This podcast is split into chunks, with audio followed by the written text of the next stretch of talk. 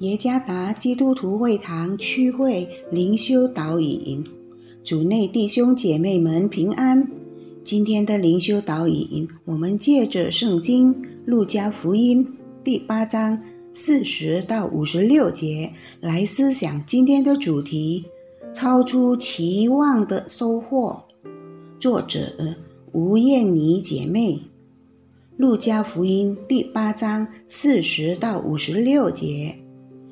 耶稣回来的时候，众人迎接他，因为他们都等候他。有一个管会堂的，名叫雅鲁，来俯伏在耶稣脚前，求耶稣到他家里去，因他有一个独生女儿，约有十二岁，快要死了。耶稣去的时候，众人拥挤他。有一个女人。患了十二年的血漏，在医生手里花尽了他一切养生的，并没有一人能医好他。他来到耶稣背后，摸他的衣裳穗子，血漏立刻就止住了。耶稣说：“摸我的是谁？”众人都不承认。彼得和同行的人都说：“夫子。”众人拥拥挤挤，紧靠着你。耶稣说：“总有人摸我，因我觉得有能力从我身上出去。”那女人知道不能隐藏，就战战兢兢的来俯伏在耶稣脚前，把摸他的缘故和怎样立刻得好了，当这众人都说出来。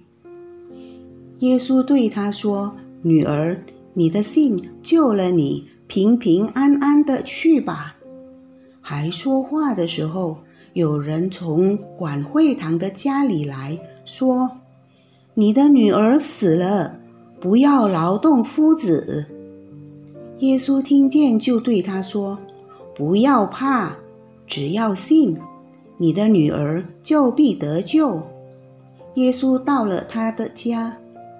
除了彼得、约翰、雅各和女儿的父母，不许别人同他进去。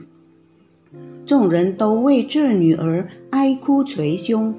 耶稣说：“不要哭，她不是死了，是睡着了。”他们晓得女儿已经死了，就嗤笑耶稣。耶稣拉着他的手，呼叫说。女儿，起来吧！他的灵魂变回来，他就立刻起来了。耶稣吩咐给他东西吃，他的父母惊奇得很。耶稣嘱咐他们不要把所做的事告诉人。你最近五年里所遭受到最大的失望是什么？当你的期望。没有实现的时候会有什么感觉？当生活中发生极大的失望时，我们会问：为什么上帝允许这些事发生呢？如果我们没有得到我们所期待的答案，而上帝又似乎沉默不语，我们还会指望他吗？雅鲁非常伤心，几乎绝望。因他的独生女儿生病，快要丧命，他尽力而为，用了各种方法，要使他女儿痊愈，但都失败了。一个已经患了十二年血漏病的女人感到非常疲倦，几乎失去了希望。她花尽了钱财，找了许多医生医治他的疾病。但都徒劳无功。在这种情况下，耶稣的出现给了新的希望。雅鲁希望女儿得康复，但他看见的不是康复，而是从死里复活。他从没想到会看见耶稣把死去的女儿复活过来。同样的，那个女人。只摸了耶稣的衣裳，立刻就被治愈了。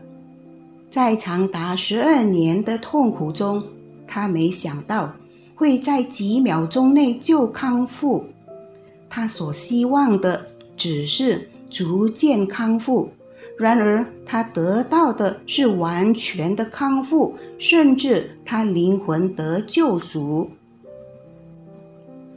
不管我们经历多么艰难的环境，仍然对主耶稣存盼望吧。即使我们等待了很长时间，也要仍然相信上帝永远不会太迟。他将以自己的时机，以奇妙的方式行事。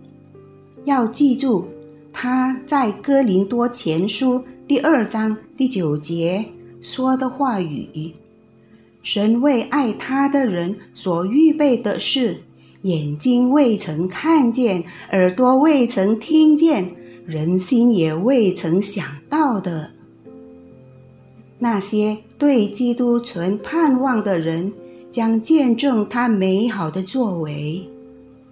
主耶稣赐福。